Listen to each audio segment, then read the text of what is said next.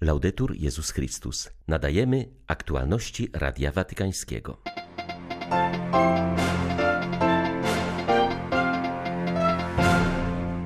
Papież Franciszek spotkał się z członkami papieskiej Komisji do Spraw Ochrony Małoletnich, których poprosił o przygotowywanie corocznych raportów na temat wysiłków Kościoła w zakresie ochrony dzieci i osób bezbronnych codziennym orędziu wojennym arcybiskup Światosław Szewczuk określił ostrzelanie Kijowa przez Rosjan w czasie wizyty sekretarza generalnego ONZ jako zniewagę dla wysiłków społeczności międzynarodowej zmierzających do przywrócenia pokoju.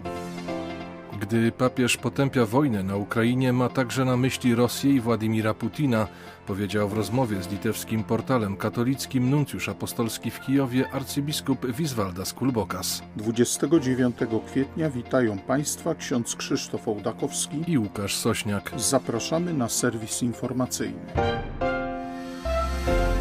Jedynie Kościół bezpieczny dla młodych, będący miejscem uzdrowienia, może stawać się wiarygodny w promocji praw każdego człowieka na całym świecie, powiedział Franciszek podczas spotkania z członkami papieskiej Komisji do Spraw Ochrony Małoletnich. Papież zachęcił zebranych, aby pilnie i odważnie pracowali nad ujawnianiem nadużyć, szukali tych, którzy stali się ich ofiarami oraz dostrzegali w nich oblicze cierpiącego Zbawiciela.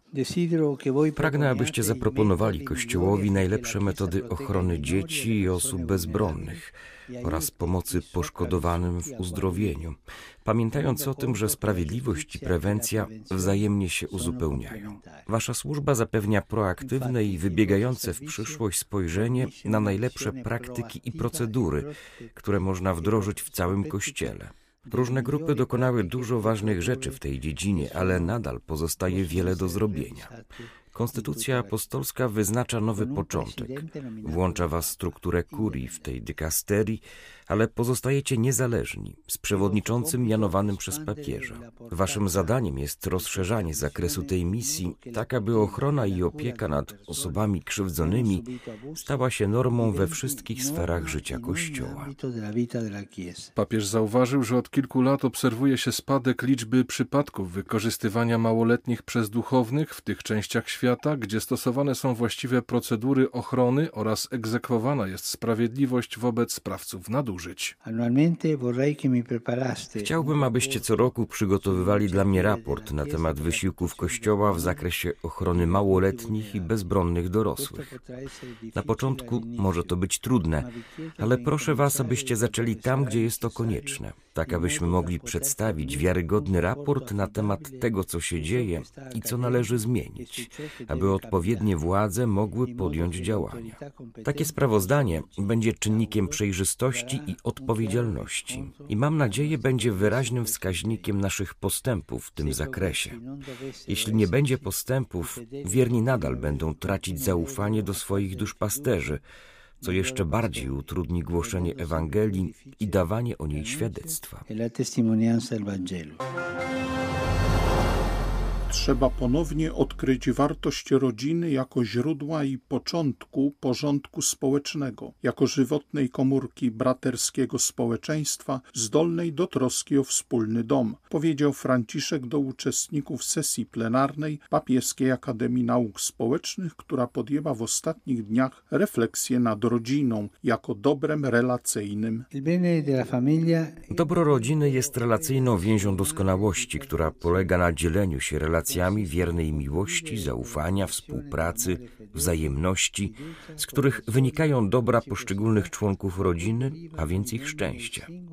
Rozumiana w ten sposób rodzina, która sama w sobie jest dobrem relacyjnym, staje się także źródłem wielu dóbr i relacji dla wspólnoty takich jak dobre relacje z państwem i innymi stowarzyszeniami społecznymi, solidarność między rodzinami, przyjmowanie osób znajdujących się w trudnej sytuacji, opieka nad najmniejszymi, przeciwdziałanie procesom zubożenia itd. Tak Ta doskonała więź, którą można nazwać swoistym genomem społecznym, polega na miłosnym działaniu, motywowanym darem, na życiu według zasady wielkodusznej wzajemności i wielkoduszności.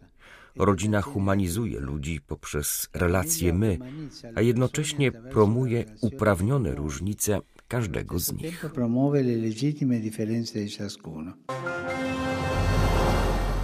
Nasz naród został przeznaczony na zagładę, mówi w wojennym przesłaniu arcybiskup Światosław Szewczuk.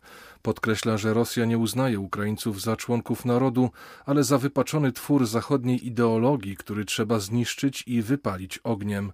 Zaznaczył, że ostatnia doba była bardzo trudna. Ciężkie walki toczyły się na wschodzie i na południu kraju. Zaatakowany został Kijów. W swoim codziennym orędziu arcybiskup Szewczuk zatrzymał się nad kolejnym błogosławieństwem skazania na górze. Błogosławieni, którzy łakną i pragną sprawiedliwości, albowiem oni będą nasyceni. Podkreślił, że od naszego rozumienia dobra i zła, sprawiedliwości i niesprawiedliwości zależy pokój na świecie. Nasi e, Nasi wrogowie korzystają z czegoś w rodzaju podręcznika do ludobójstwa ukraińskiego narodu. Jest w nim napisane, że Ukraina jako naród nie istnieje.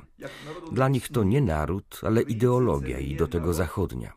Każdy, kto nie chce zrezygnować z tej ideologii, nawet jeśli nie urodził się na Ukrainie, jest Ukraińcem i trzeba albo go zabić, albo zmusić do odrzucenia ukraińskiej tożsamości. I bez tego podręcznika wiemy dobrze, że wojna, która niszczy nasz kraj, ma ideologiczny podtekst, a nasz naród przeznaczony został na zagładę. Jestem przekonany, że każdy, kto czuje przynależność do Ukrainy, nie ma wątpliwości, po której stronie leży sprawiedliwość. To bardzo ważne, ponieważ pokój na świecie zależy od naszego rozumienia prawdy i fałszu, sprawiedliwości i bezprawia oraz od umiejętności odróżnienia jednego od drugiego. Wczoraj w Kijowie przebywał sekretarz generalny ONZ, który, jak samo sobie powiedział, przyjechał jako posłaniec pokoju. Tymczasem podczas jego pobytu wróg ostrzelał Kijów rakietami. To zniewaga dla tej międzynarodowej instytucji, i jej wysiłków zmierzających do zaprowadzenia pokoju i sprawiedliwości. A my na Ukrainie łakniemy i pragniemy sprawiedliwości. Jesteśmy głosem sprawiedliwości dla współczesnego świata, wołaniem o pokój. Usunięcie Cyryla z urzędu patriarchy moskiewskiego jest tematem coraz częściej poruszanym w świecie prawosławnym. Cyryl znalazł się na celowniku z powodu jawnego wsparcia, jakiego udziela rosyjskiej inwazji na Ukrainę. Jednak aby go usunąć, potrzebny byłby sobór wszystkich kościołów prawosławnych lub decyzja synodu patriarchatu moskiewskiego. Obie możliwości są mało prawdopodobne. Cyryla kwestionuje się również w świecie zachodniego chrześcijaństwa. Kilka razy padła propozycja wykluczenia go ze Światowej Rady Kościołów, czyli najwyższego międzynarodowego organu ekumenicznego. Patriarcha jest krytykowany nie tylko z religijnego punktu widzenia, ale także ze względu na swoje osobiste bogactwo. Jego prywatny majątek, magazyn Forbes, szacuje na kilka miliardów dolarów. Ministrowie spraw zagranicznych Unii Europejskiej rozważają nałożenie na Cyryla sankcji, podobnie jak na innych oligarchów. Ma to sens, ponieważ część majątku patriarchy znajduje się na zagranicznych kontach w rajach podatkowych. Gdy papież Franciszek potępia wojnę na Ukrainie, ma na myśli zarówno Rosję, jak i Władimira Putina, to oczywiste, powiedział w rozmowie z litewskim portalem katolickim nuncjusz apostolski w Kijowie. Ojciec Święty potępia grzech, ale publicznie nie wymienia grzesznika. Gdyby to zrobił, aspekt moralny nabrałby wymiaru politycznego, który politycy mogliby wykorzystać w swoich celach, dodał arcybiskup Wiswalda Kulbokas. Zapytany o skutki ewentualnej wizyty papieża w Kijowie zauważa, że być może sytuacja zmieniłaby się, gdyby Franciszek zdecydował się na przyjazd na Ukrainę. Ważny byłby sam gest, emocjonalny wymiar takiej podróży. To jeden z aspektów, dla których chciałbym, aby papież przyjechał do Kijowa, powiedział arcybiskup Kulbokas.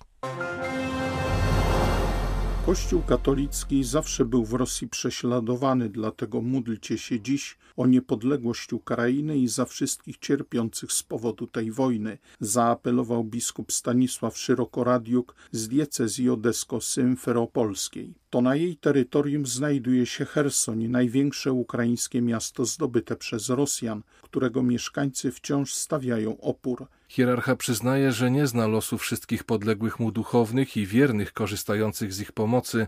Sytuacja katolików jest jednak bardzo trudna. Były rzecznik praw dziecka Mykoła Kuleba poinformował, że wojsko rosyjskie uprowadziło 58 sierot z Hersonia, które ukrywały się w piwnicach jednego z kościołów. Deportacje ludności, w tym dzieci, są elementem ludobójstwa na Ukrainie, podkreślił biskup Szyroko Radiuk. Gościna, jakiej Polacy udzielili uchodźcom wojennym z Ukrainy, okazała się zaraźliwa. To właśnie ta postawa uruchomiła solidarność całego kontynentu, nie tyle instytucji, co Europy narodów, które również otworzyły się na Ukraińców, ułatwiając im przyjazd do swych krajów. Wskazuje na to Maria Bottone, włoska adwokat, zajmująca się przybywającymi do Polski ukraińskimi uchodźcami, przede wszystkim dziećmi. W rozmowie z wysłannikiem Radia Watykańskiego Luką Kolodim Bottone przyznaje, że w Polsce była świadkiem niebywałej solidarności względem Ukrainy. Włoska adwokat zapewnia, że Polska w odpowiedni sposób zadbała o ukraińskie dzieci. Z jednej strony przyznaje, że szybko integrują się one w polskim środowisku, z drugiej strony uruchomione zostały mechanizmy, które mają chronić najmłodszych przed nadużyciami i handlem niewolnikami. Zazwyczaj dzieci, które przybywają z Ukrainy, znajdują się w towarzystwie krewnych. Są to więc nieletni w stanie rozłąki, ale nie opuszczeni. Nie ma wielu nieletnich bez opieki. Istnieje oczywiście ryzyko, że wpadną w sieć handlarzy.